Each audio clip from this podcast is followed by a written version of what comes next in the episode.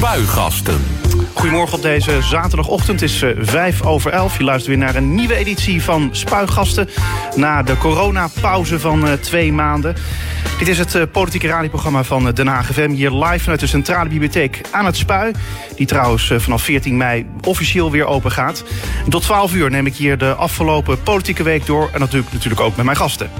De basisscholen die mogen komende maandag weer open... na een lange sluiting vanwege het coronavirus. Maar hoe gaan ouders en leerkrachten straks om met zaken als leerachterstanden... zorgen bij de leraren en de opvang? In Spuigasten wordt uh, wethouder Hilbert Bredemeijer van het CDA en onderwijs hierover bevraagd. Hilbert, allereerst goedemorgen. Goedemorgen. Ja, en hoe uh, beleef jij deze tijden van corona?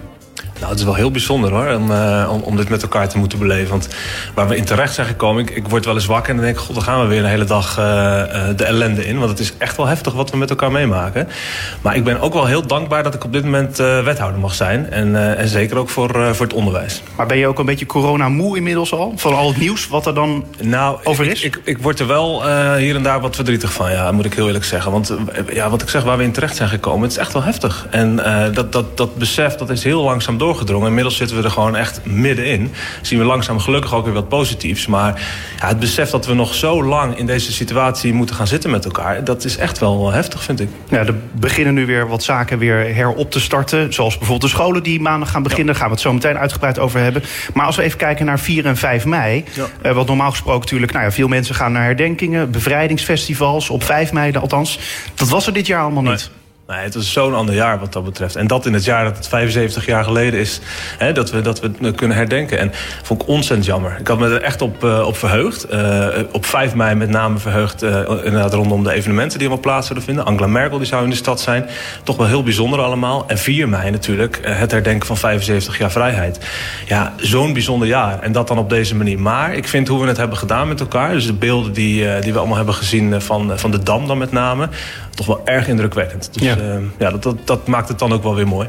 We zagen wel Johan Remkes een krans leggen en zelf geen krans gelegd in de stad, hè? Nee, helaas. Nee, normaal verdeel je dat dan inderdaad met het hele college van BMW. Want in de hele stad worden natuurlijk kransen gelegd. Ik heb wel uh, de herdenking van het bombardement in Loosduinen uh, mogen doen. Dat was al in, uh, in februari, weet ik.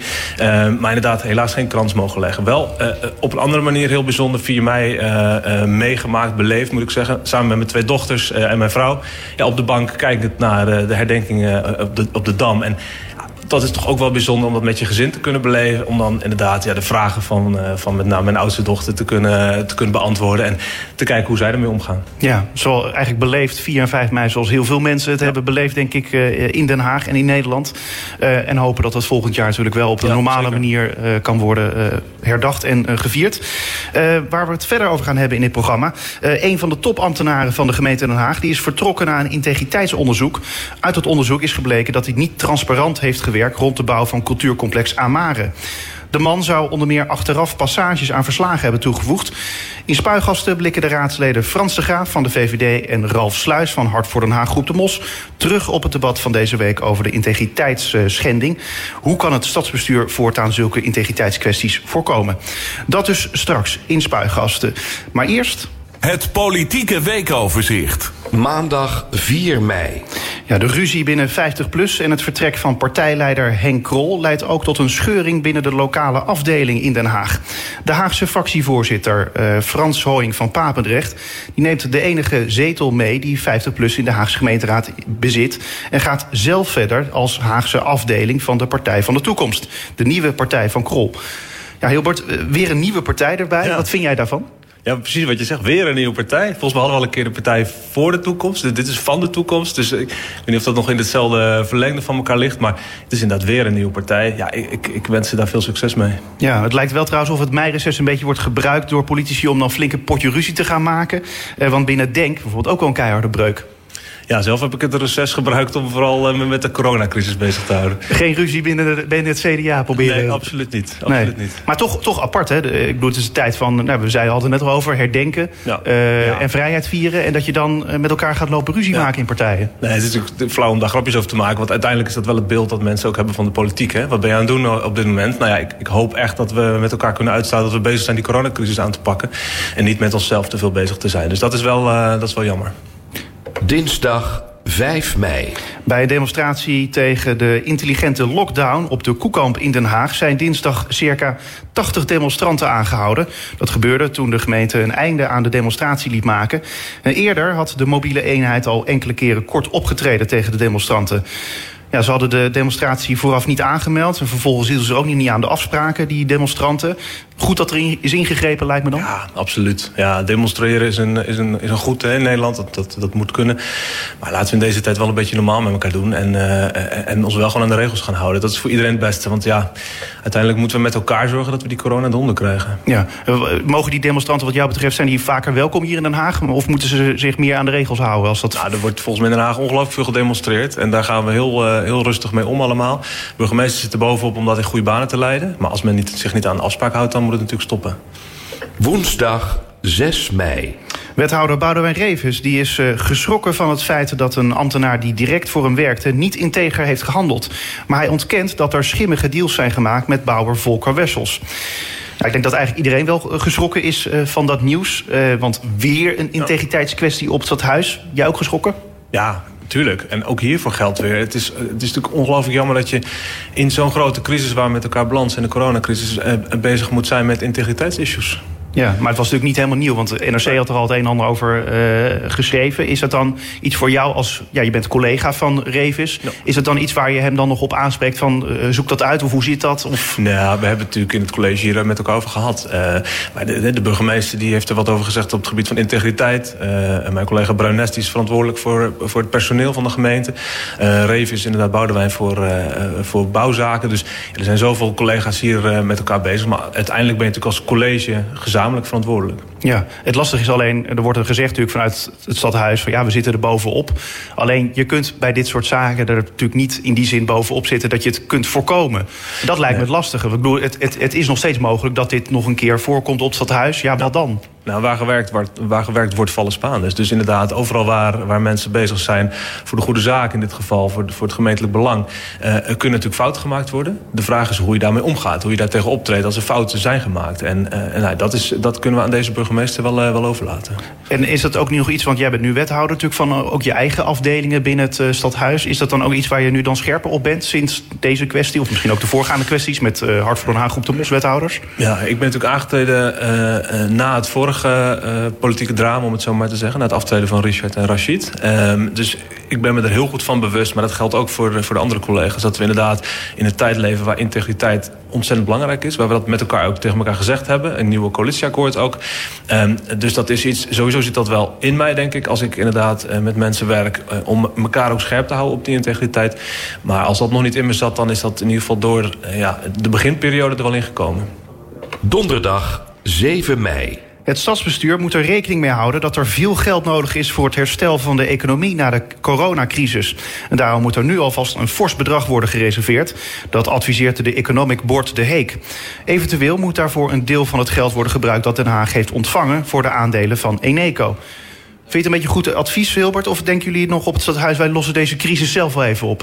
Nou, dat denken we sowieso niet. Nee, deze crisis moeten we echt met elkaar oplossen. Met de hele stad. Uh, het is ongelooflijk drama, hè? wat er allemaal gebeurt. Voor de ondernemers, uh, voor de sportverenigingen... Uh, noem het allemaal maar op, culturele instellingen. We zullen echt met elkaar moeten kijken... wat is straks de, de schade? En die loopt natuurlijk elke dag op. en hoe, hoe kunnen we die weer inlopen? Dus wat mij betreft is inderdaad alles bespreekbaar daarin. Vind je het eigenlijk fijn om dan ongevraagd advies te krijgen... van die Economic Board de Heek? Of, of heeft het eigenlijk ook een beetje iets verlammends. Want er zijn natuurlijk zoveel van die verschillende clubs die zeggen van nou, wij weten het eigenlijk beter dan het stadhuis. Of we geven advies. Ja. Ik zeg het een beetje lelijk. Uh, maar volgens mij bedoelen we hetzelfde. Uh, je wil volgens mij als stadsbestuur snelle slagen maken. Je wil niet de hele tijd al die clubjes achter je aan hebben van nou, het moet volgens mij zo of het moet zo. Ik denk dat het tegenovergestelde ook niet goed is. Namelijk dat je inderdaad in een ivoren toren gaat zitten... en bedenkt hoe de wereld in elkaar moet gaan zitten. Dat is denk ik ook niet goed. Maar in een dus crisissituatie moet je dat ja, toch doen? Dan maar, moet je snel actie ondernemen. Wij, wij, horen juist van vanuit de stad inderdaad... Uh, hoe de problemen zich uh, openbaren. En daar zijn dit soort adviezen wel goed voor. Laat ik een voorbeeld noemen als het mag uh, op het gebied van horeca. Ik ben zelf verantwoordelijk voor de manier waarop we de terrassen met elkaar inrichten... in uh, openbare ruimte. En ik ben samen met mijn collega Saskia Bruines... die over de economie gaat en dus over de horeca... zijn we aan het kijken hoe gaan we die... die vanaf 1 juni mogen de terrassen weer open. Hoe gaan we dat met elkaar doen? Ja, dan kunnen wij een plan maken. Maar ik hoor natuurlijk heel graag van bijvoorbeeld Koninklijk Horeca Nederland... of andere ondernemersverenigingen, hoe zij dat zien. En dan moet het wel samen gemaakt worden. Dus het is niet zo dat zij zeggen wij voeren uit. Maar we, hè, wij hebben belangen, algemene belangen. Bijvoorbeeld de kinderwagens moeten er ook nog langs kunnen. Maar ook de horeca heeft belangen. Laten we dat samen naast elkaar leggen en dan tot een plan komen. Vrijdag 8 mei. Iedereen in de regio Haaglanden die coronaklachten heeft... die kan zich per 1 juni laten testen. Dat schrijft waarnemend burgemeester Johan Remkes van Den Haag... in een brief aan de gemeenteraad... over de laatste stand van zaken over de coronacrisis. De uitslag van de test is binnen 24 uur bekend. En op dit moment kunnen mensen die in het onderwijs en kinderopvang werken... en gastouders zich ook al laten testen. De mantelzorgers die kunnen dat vanaf 18 mei laten doen. Uh, goed nieuws dus, uh, maar het duurt wel nog eventjes... Uh, voordat bijvoorbeeld de mantelzorgers het kunnen doen. Ja, dat is natuurlijk jammer. En daar wordt volgens mij hard aan gewerkt. Hoor ik ook van Hugo de Jonge dat er hard aan gewerkt wordt. Um, maar voor het onderwijs is het natuurlijk wel uh, geweldig nieuws. Dat we, en dat hebben we ook wel een beetje met elkaar gezegd als voorwaarde te stellen van je moet het onderwijs, het personeel uh, uh, wel die gelegenheid geven om te kunnen testen. Anders kunnen we niet veilig met elkaar aan de slag. Is het nou een van die signalen vanuit de onderwijssector die jij dan had gekregen van we willen echt graag getest worden? Ja, absoluut. Ja, want er zijn echt, nou, we gaan het zo uitgebreid over hebben, maar onderwijspersoneel is echt voor een gedeelte echt wel bang voor, de, voor wat er staat te gebeuren. En terecht. Uh, maar dat geldt ook voor, voor ouders die hun kinderen gaan brengen. Ouders die misschien een zwakke gezondheid hebben. Ook daarvoor geldt, dat, die moeten dan inderdaad nog even wachten. Maar ook daarvoor geldt, die kunnen zich straks laten testen. En dat is echt wel heel belangrijk. Om, zodat we met elkaar het vertrouwen krijgen uh, van waar we naartoe gaan. Zaterdag 9 mei. Na acht weken onderwijs via een scherm mogen de leerlingen van de 180 Haagse basisscholen maandag weer echt naar school. Met de nodige aanpassingen in en rondom de panden. De fietsers die krijgen bijvoorbeeld ook vaker groen licht als ze op weg zijn, schrijft de AD Haagse Courant vandaag. Uh, nu maandag het uh, gewone basisschoolleven weer begint, worden er nieuwe schoolstraten in de stad ingevoerd.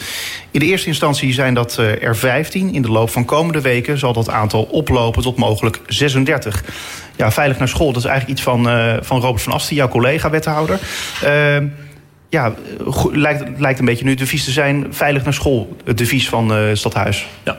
Ja, ik denk dat dat ook echt een belangrijke uh, afspraak is die we met elkaar moeten maken. We hebben heel lang stilgelegen. Acht weken zijn de kinderen en hun ouders dus niet naar school geweest. Uh, en straks gaat iedereen zijn kinderen weer naar school brengen. En laten we dat dan wel dat op een veilige manier met elkaar doen, ja. Ja, en die fietsers die krijgen dan meer groen. Dat klinkt altijd aardig. Maar ik dacht dat, dat die fietsers überhaupt altijd het gewoon doorreden... of het nou groen is of rood. nee, dat hoop ik niet. Nee? Dat hoop ik niet, nee.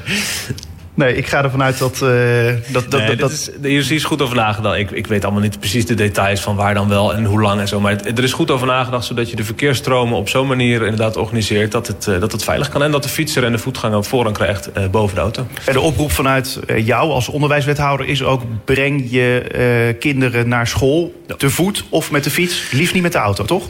Kijk, er zullen natuurlijk situaties zijn waarin dat niet anders kan. Hè? We hebben ook leerlingenvervoer gelukkig. Dat zijn natuurlijk de, de, de busjes, om het zo te zeggen. Uh, dus als het echt niet kan, dan is dat een oplossing. Maar um, um, kijk, we hebben het wel over basisscholen. Dus die basisscholen zitten natuurlijk ten opzichte van middelbare scholen... veel vaker ook dichter bij de mensen thuis. Dus het kan prima. Je kunt prima lopend of, uh, of fietsend. En als het echt niet gaat uh, met de auto, maar zet hem dan even ergens anders dan, dan voor school. Tot zover het advies van uh, wethouder Hilbert Bredemeijer. Tot zover het ook het weekoverzicht. En meer nieuws vind je op onze website denhaagfm.nl. Spuigasten. Den Haag. Zoals gezegd, de basisscholen die mogen komende maandag weer open... na een lange sluiting vanwege het coronavirus. Maar hoe gaan ouders en leerkrachten straks om met zaken als leerachterstanden... zorgen bij leraren en de opvang? In Spuigasten Jordemal wordt wethouder Hilbert Bredemeijer... van het CDA en Onderwijs hierover bevraagd. Ja, die scholen gaan dus weer open, Hilbert. Uh, als wethouder heb je vast even geïnventariseerd... hoe dat uh, allemaal gaat, of het überhaupt allemaal gaat lukken. Uh, gaat het lukken? Ja, het gaat lukken, maar ik vind het wel spannend. Um, want geïnventariseerd is denk ik een understatement. We zijn er echt wekenlang mee bezig geweest uh, met elkaar. En dat wil ik niet zeggen ik per se, maar de scholen.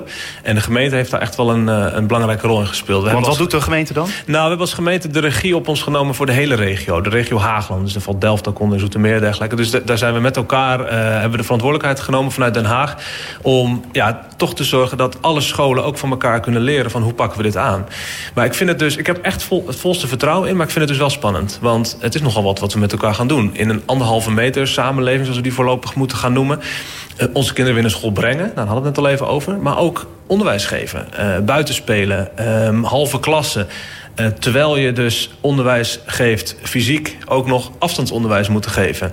Ja, dat is ongelooflijk ingewikkeld. En er zijn die scholen gelukkig natuurlijk vanaf het begin al, al mee bezig geweest. Maar wel in een periode waarin ze ook gewoon onderwijs moesten geven op afstand. Alles ging Dus door. alles ging door. En ook deze plannen moesten gemaakt worden. Ik geef het ze echt uh, te doen wat dat betreft. We hebben ze proberen zo goed mogelijk te helpen. Maar uiteindelijk is het echt, ja, zijn scholen zelf natuurlijk het beste in staat om uh, het voor hun kinderen te organiseren. En dus ja, vertrouwen, maar echt ook wel, ja, ik, hou me hart ook wel een beetje vast. Ja, want het is dan het verschil tussen theorie en praktijk eigenlijk wat dat betreft. Want je, je bedenkt natuurlijk allerlei dingen, maar het ja. is altijd maar afwachten of mensen zich eraan houden. Of de Juist. scholen zich er allemaal goed aan kunnen houden, de leerlingen. Ja, we hebben hier natuurlijk geen handleiding voor gekregen. Dus dit is echt een, een extreem grote crisis waar we met elkaar in balans zijn. En we weten echt niet hoe we dit aan moeten pakken van tevoren. Dus we zijn maar gewoon uh, begonnen met elkaar. Uh, de kinderen zaten ineens allemaal thuis. Moesten toch onderwijs krijgen. Nou, dat hebben ze ongelooflijk snel opgepakt, die, ouder, of die, die leraren en uh, leerkrachten. En de ouders ook eigenlijk? En natuurlijk de ouders ook, ja. zeker de ouders ook. Want er komt nogal ook wel wat bij kijken. Maar... Um, dat is allemaal gegaan. En, en, ondertussen zijn die plannen ook gemaakt. Dus ja, je weet het van tevoren niet. Je probeert er het beste van te maken. En ik denk echt dat het, dat, dat gelukt is. Um, maar goed, we zijn er nog lang niet natuurlijk. Maar wat is nou je grootste zorg dan? Nou, dat, dat dus inderdaad leerkrachten zich uh, veilig genoeg voelen om dat onderwijs te geven. Maar ook echt toekomen aan, aan het juiste. Dus en zorg kunnen hebben voor, uh, voor de kinderen die, die, die, ja, die ze bij zich hebben.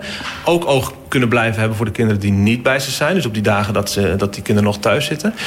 En een heel grote zorg is natuurlijk... wat doen we met kinderen die we, uh, die we, wat, uit het beeld, die we wat uit beeld zijn, uh, zijn geraakt... hebben geraakt met elkaar.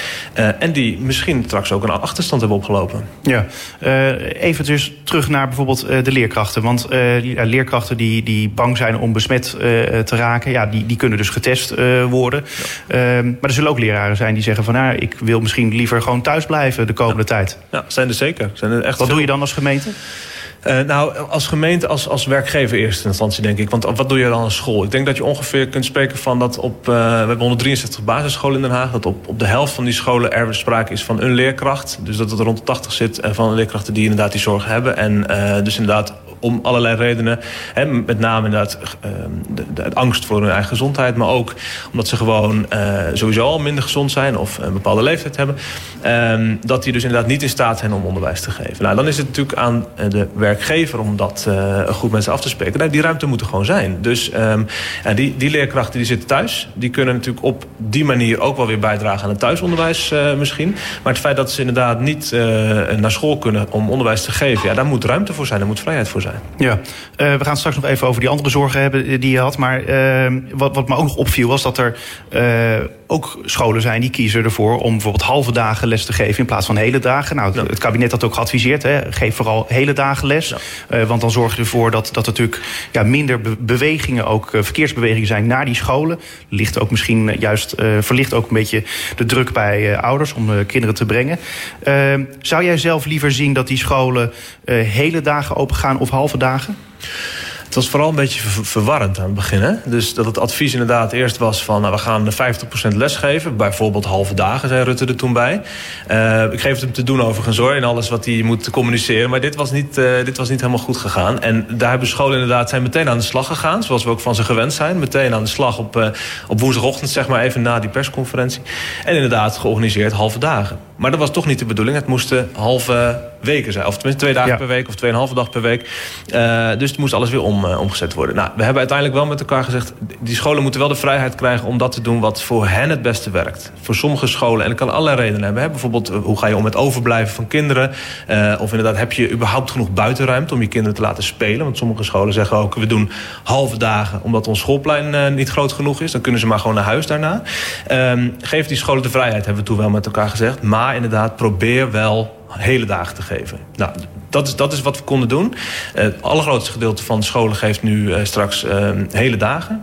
maar er zijn inderdaad ook scholen die halve dagen doen. En ik ben dus, ja, als je vraagt, wat vind je daarvan? Ik, ehm, ik denk dat het goed dat ze die vrijheid hebben genomen. Omdat zij het beste kunnen inschatten wat er nodig is. Maar ook daarvoor geldt wel. Ik hoop niet dat dat straks een negatief effect heeft op bijvoorbeeld zoiets als de verkeersstromen. Ja, maar goed, of het nou halve of hele dagen zijn. Ik, ik denk dat wel heel veel ouders blij zullen zijn dat ze hun kinderen in elk geval naar school weer kunnen kunnen brengen. Dat één ding dat is dat het duidelijk is. Eh, en toen die scholen eigenlijk net werden gesloten, eh, toen hoorde ik vooral heel veel ouders klagen. eh, ja, nu moet ik mijn kind zelf gaan opvoeden. Ik, ik denk dat deze periode wel een stuk waardering heeft bijgebracht voor het onderwijspersoneel. Ontzettend, ontzettend. Ja, dat is heel goed dat je dat zegt. Want als, als ik één ding nog had willen afsluiten vandaag, is dat het wel.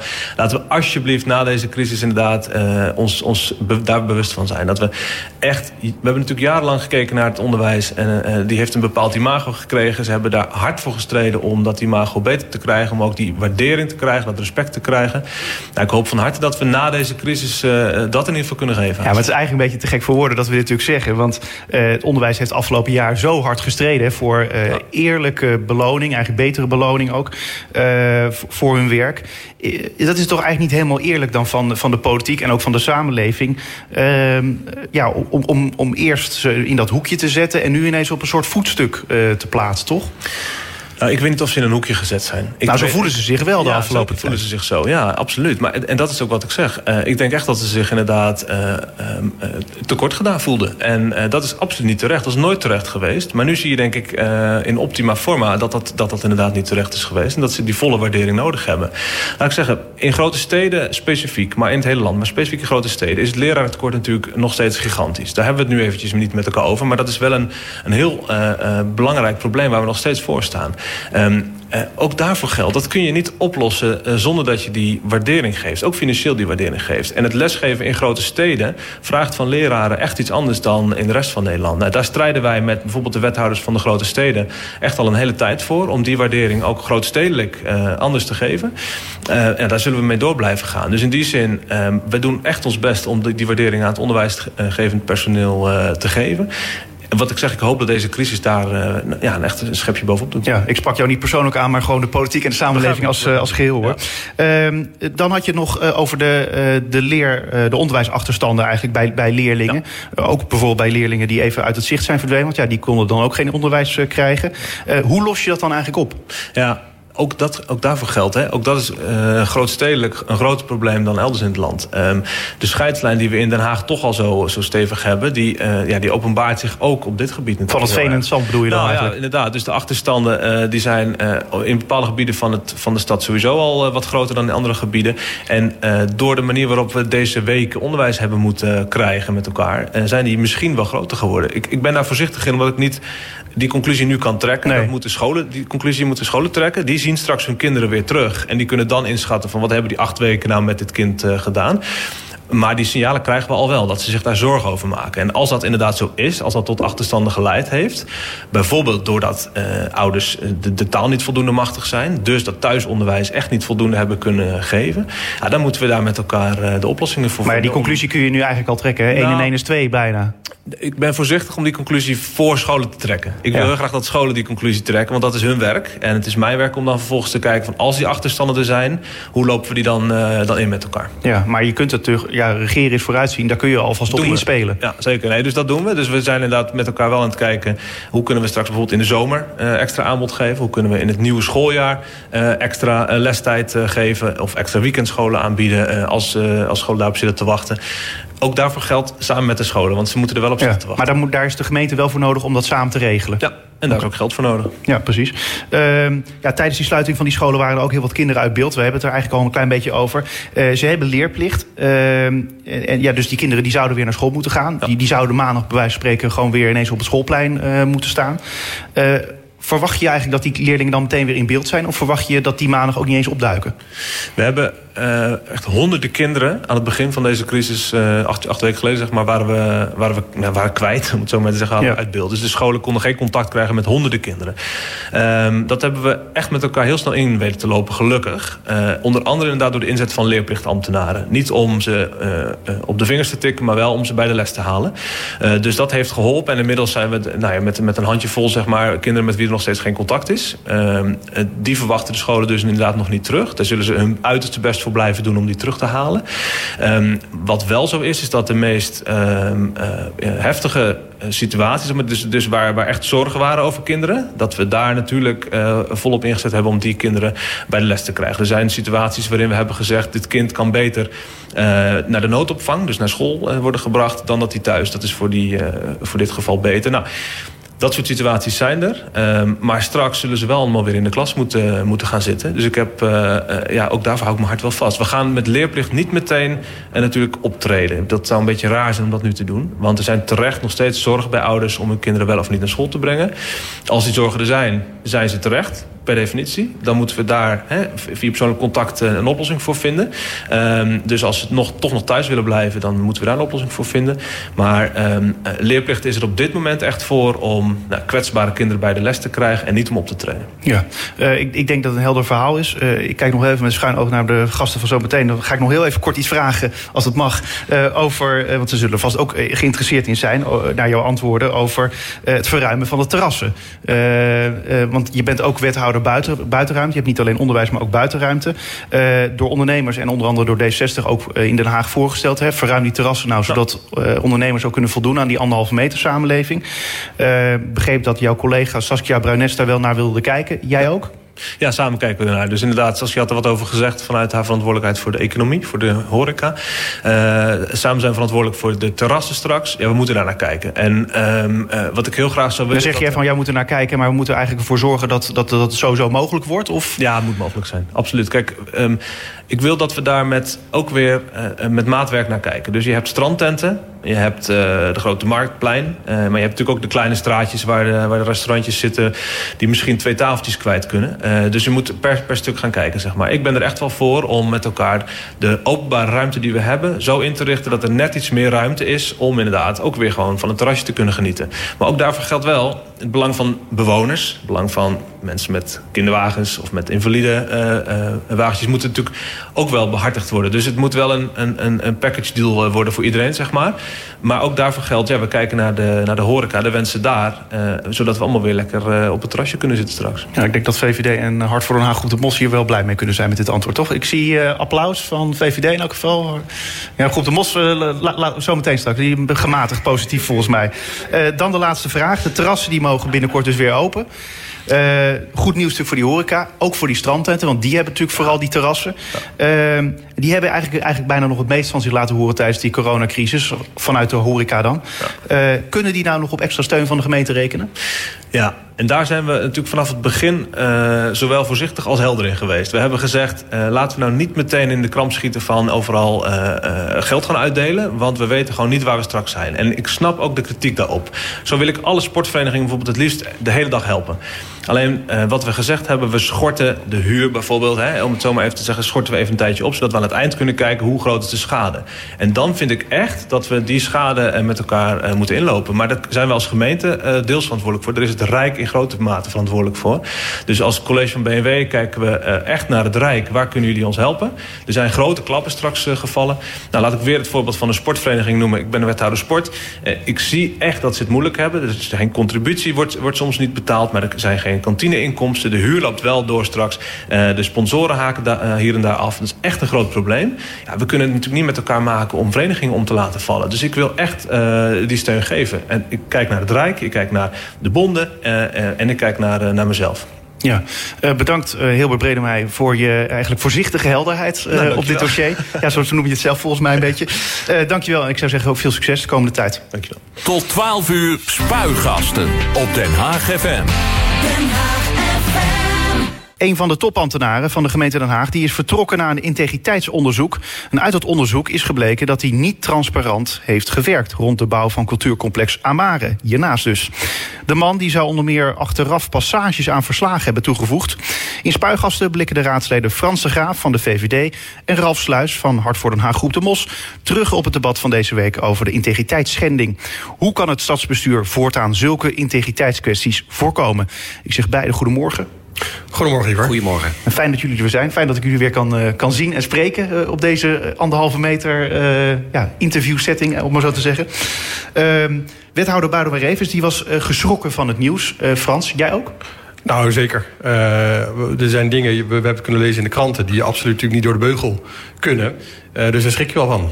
Ja, eh, en op welke manier? Uh, ik bedoel, ja, je, je, las het pas in de krant en toen hoorde je ervan. Of die, die zin nou, toen... we, wist, wist, we weten al sinds vorig jaar, de hele gemeenteraad en eigenlijk iedereen dus, dat er onderzoek werd gedaan naar ambtenaren. Uh, en nu is eigenlijk dat rapport klaar. En daarover heeft NRC geschreven. Dus als je dan die details leest, ja, daar schrik je wel van. Ja. Ralf, net zo geschrokken als Frans?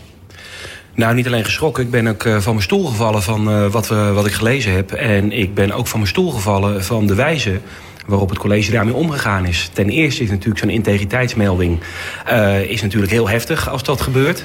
Nou, dan kun je twee dingen doen. Dan kun je de Rijksrecherche erop zetten of, uh, en aangifte doen om uh, de Rijksrecherche onderzoek te laten doen. Ja, of je kan een onderzoeksbureau bellen om te zeggen, nou doe eens een onderzoek. Nou ja, die keuze heeft het college gemaakt. Zouden natuurlijk direct de Rijksrecherche moeten inschakelen en geen onderzoeksbureau. vervolgens wordt dat onderzoek dus afgeleverd. Het NRC heeft het wel gelezen blijkbaar, maar wij als raad hebben het niet gelezen. Dus we moeten het maar doen met de publicaties eh, van het NRC. En als je dat dan leest, ja, dan val je inderdaad van je stoel. En dan kun je ook zeggen, ja, waarom wordt dat rapport niet direct openbaar gemaakt? Want dan kunnen we ook allemaal zien wat er allemaal gebeurd is. Als je voor transparantie staat en als je voor integriteit staat... nou, dat is uh, het speerpunt van burgemeester Remkes, uh, heeft hij gezegd bij zijn aantreden. En dan kun je het niet maken door te zeggen, het rapport blijft in de kluis. Ja, Frans, het is een beetje van, we moeten het doen met het stuk van NRC... en wat woorden uit, ja, uit de mond van Johan Remkes en van Boudewijn Revens. En dat is het een beetje. Nou, het rapport hebben we natuurlijk allemaal kunnen inzien, hè, de heer Sluis ook. En, uh, en bovendien, de, de Rijksrecherche die zit op dit onderwerp ook. Hè. Die hebben ook stukken opgevraagd. En dat hebben ze overigens gedaan in het kader van het onderzoek naar uh, de firma De Mos. Die blijkbaar uh, vertrouwelijke stukken in een geheime appgroep...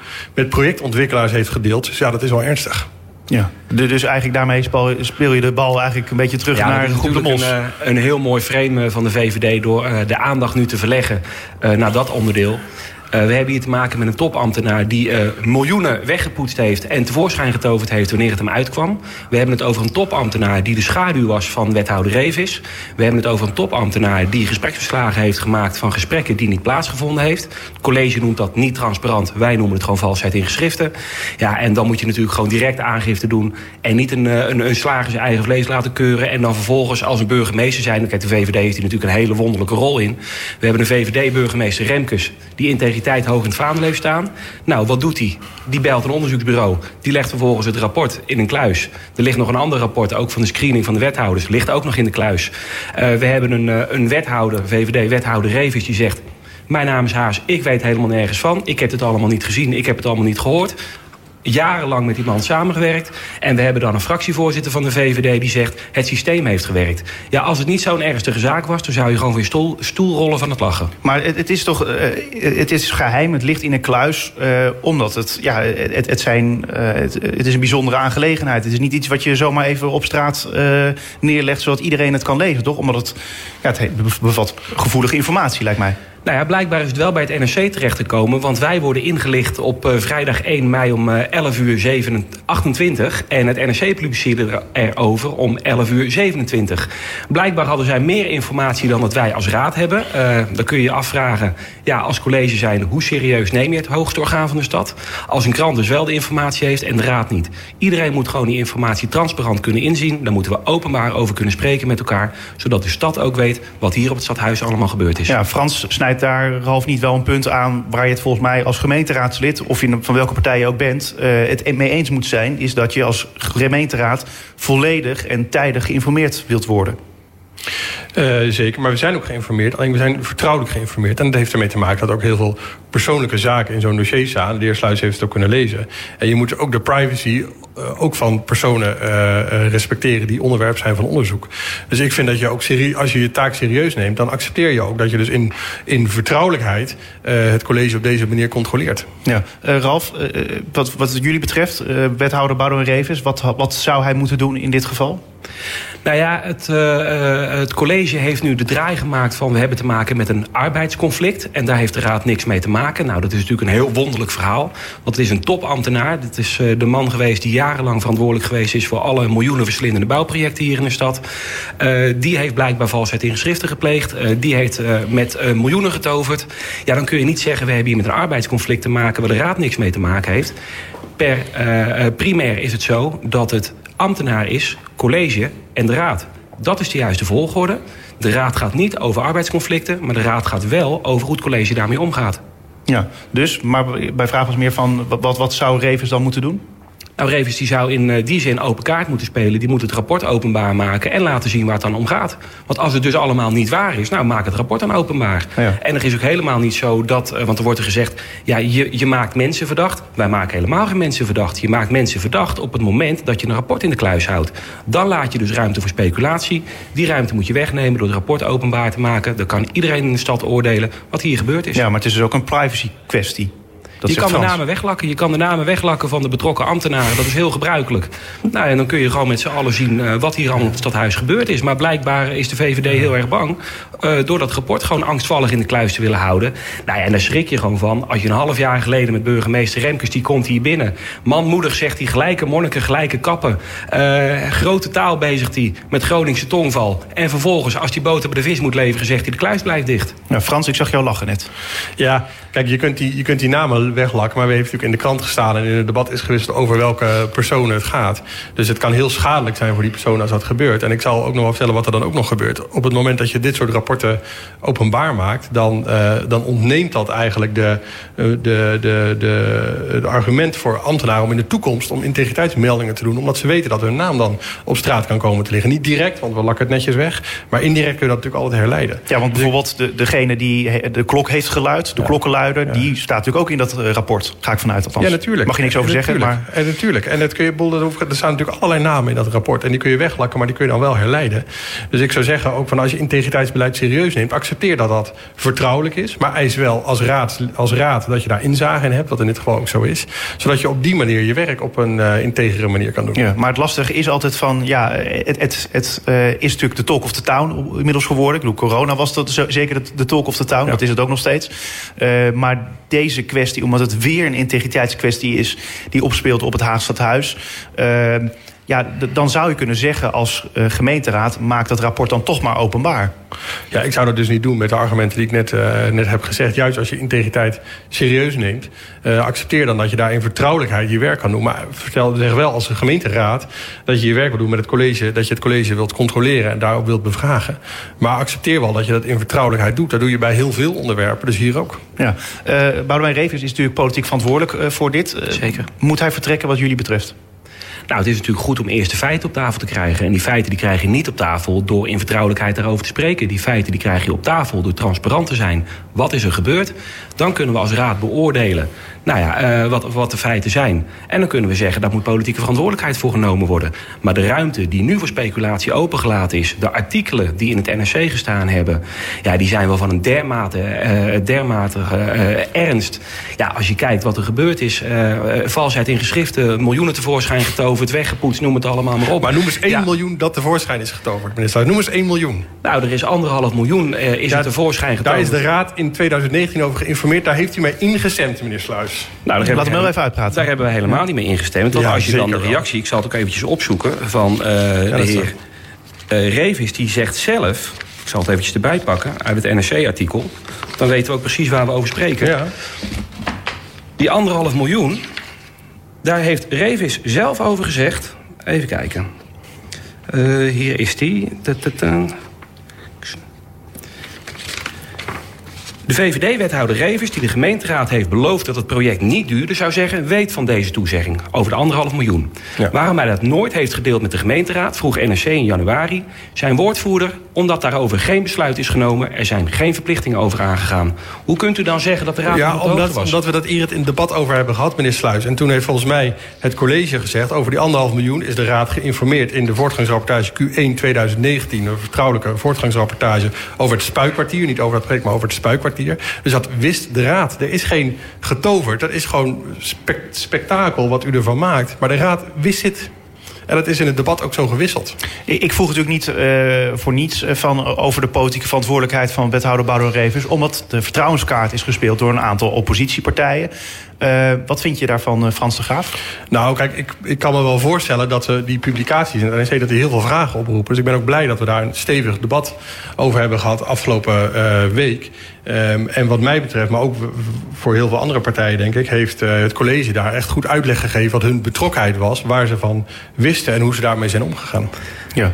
Ralf? dat is natuurlijk een lachwekkende eh, reactie van de VVD. En ik zou ook aan de heer Graaf nogmaals willen vragen... vindt u nog steeds dat het systeem gewerkt heeft? Want dat heeft u in het debat gezegd. Ja, het systeem werkte. Ik zou, ik zou zeggen dat we daar... Ik weet niet of je het debat ook hebt geluisterd, beluisterd, Mhm. Maar we hebben daar een heel goed debat gehad... Waar, waar heel veel partijen op inhoud hele kritische vragen stelden. En er was één partij die eigenlijk wild om zich heen sloeg. De MOS. En dat is toevallig de partij waarvan de complete partijtop... wordt verdacht van corruptie, schending, ambtsgeheim. En weten we sinds deze week ook met het delen van vertrouwelijke stukken... in geheime appgroepen met projectontwikkelaars. Wat daar, een toeval. Daar loopt dus al zeven maanden een, eh, een onderzoek naar. Zonder splinter van bewijs hadden die mensen de Rijksrecherche op hun dak. Hier liggen hele aan bewijs. En het college zegt, wij gaan een onderzoekbureau in. Maar Ralf, nu doe je toch eigenlijk precies hetzelfde van wat jullie juist de vorige coalitie verweten. Want eh, toen het vertrouwen in de wethouders De Mos en Gernewie werd opgezet, toen hadden we het over karaktermoord zonder enig bewijs, iemand politiek veroordelen.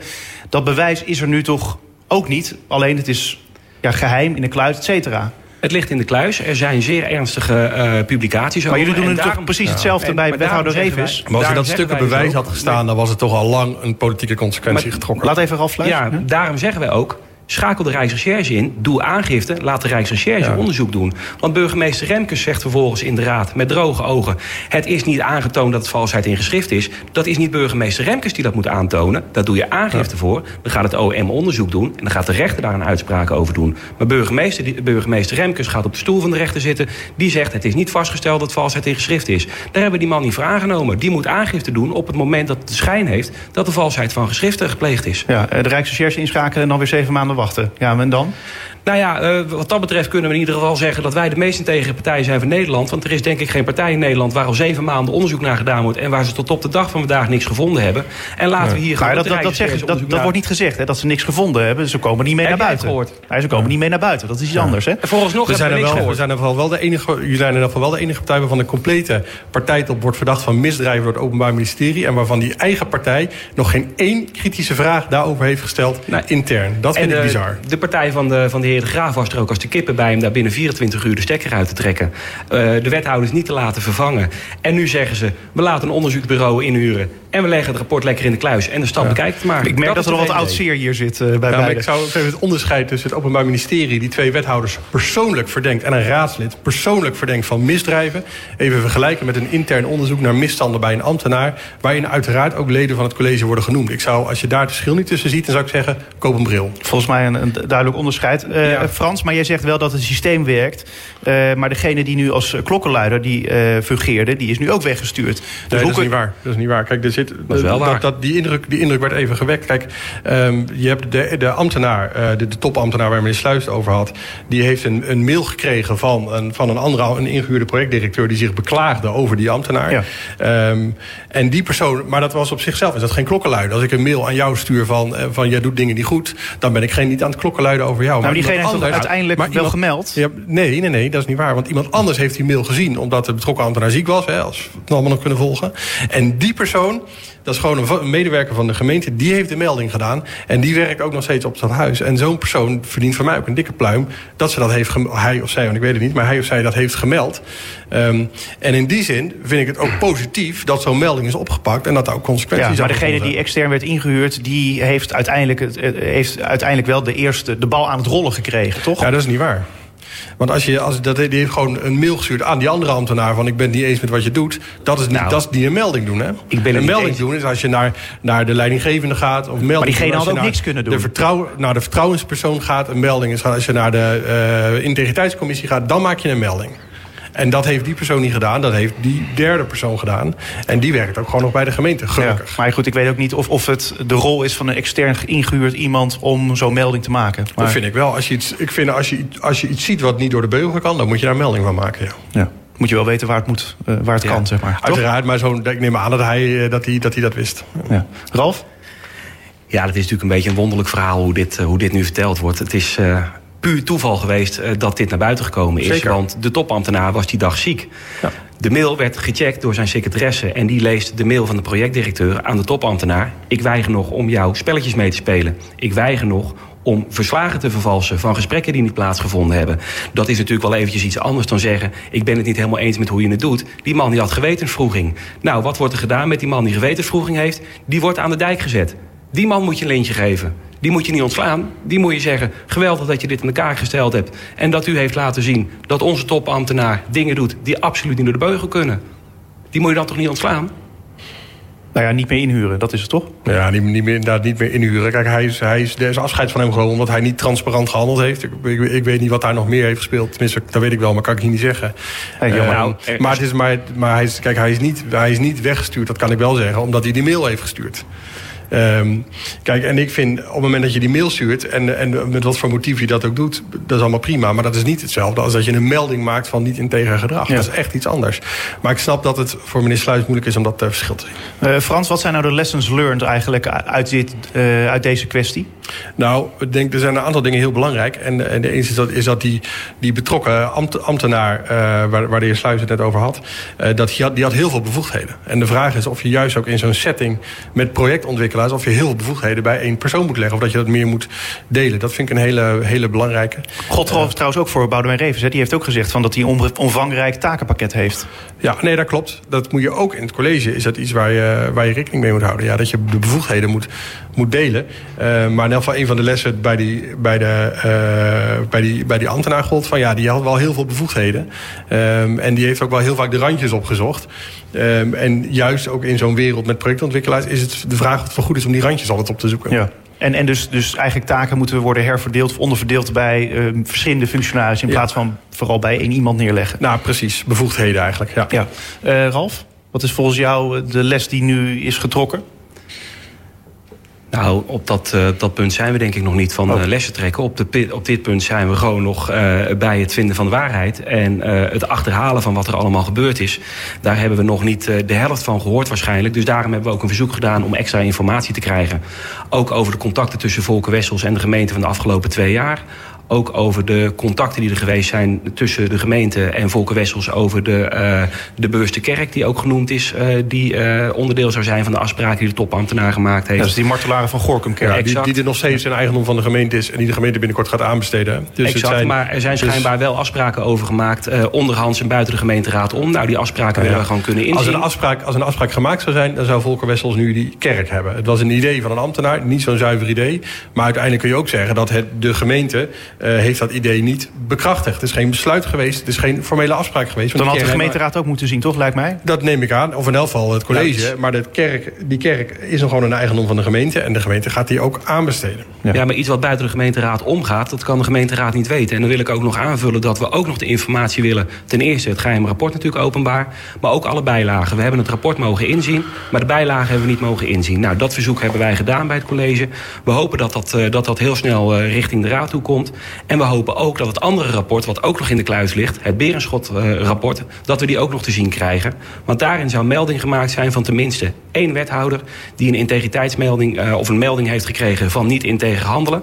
Eh, dat rapport willen we dus ook zien. En we willen ook weten welke wethouder dat Maar wat is. zegt één melding? Nou, één melding zegt dat blijkbaar dus iets niet goed gegaan is. Nou want ja, dit ik, is kan, ook- ik kan ook melden dat jij iets verkeerd hebt gedaan... terwijl dat helemaal niet eh, aan de orde is. En daarom is het heel goed om het rapport openbaar te maken. Dan kunnen we allemaal zien wat er aan de hand is. Frans, wat vind je ervan? Nou ja, dat uh, de Sluis daar een beetje laat mee is. Want dat rapport is natuurlijk al lang en breed, uh, lang en breed klaar. Kijk, maar ik vind, kijk, die persoonlijke rapporten...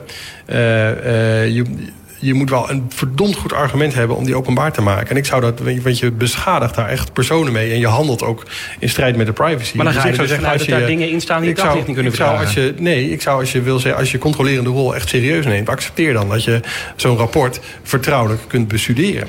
Ja. En als je, maar als je alleen uit bent op, uh, op, op, een, op, op een kop in de krant of zo, en daar verdenk ik de heer Sluis een beetje van, dan wil je het per se openbaar maken. Uh, en dat is ook de reden dat er dus besloten nog wel over wordt vergaderd, toch? Uh, binnenkort, is dat nog? Ja, zeker. Ja, want we hebben nu dus in, in openbaarheid hebben, uh, kunnen vergaderen. Daar is debatteren.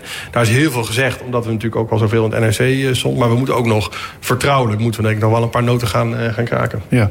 Ik, ik wens jullie veel succes erbij. Ja, de tijd... waarschijnlijk gaat het toch wel openbaar worden. Want er tekent zich wel een meerderheid in de raad af om het rapport openbaar te maken. Dus dat zou betekenen dat we het uh, in het openbaar kunnen bespreken. En dat zou betekenen dat wij er vervolgens weer hier in dit programma over kunnen Zo spreken. Is Zo is het, Ivar. Uh, Frans de Graaf van de VVD en Ralf Sluis van Hart voor Den Haag, Groep de Mos. Dank jullie wel beiden. Uh, ik ben blij dat ik dit kan zeggen. Dit was uh, Spuigasten voor deze week. Bedankt voor het luisteren. En gelukkig kan ik het dus weer zeggen. Tot volgende week.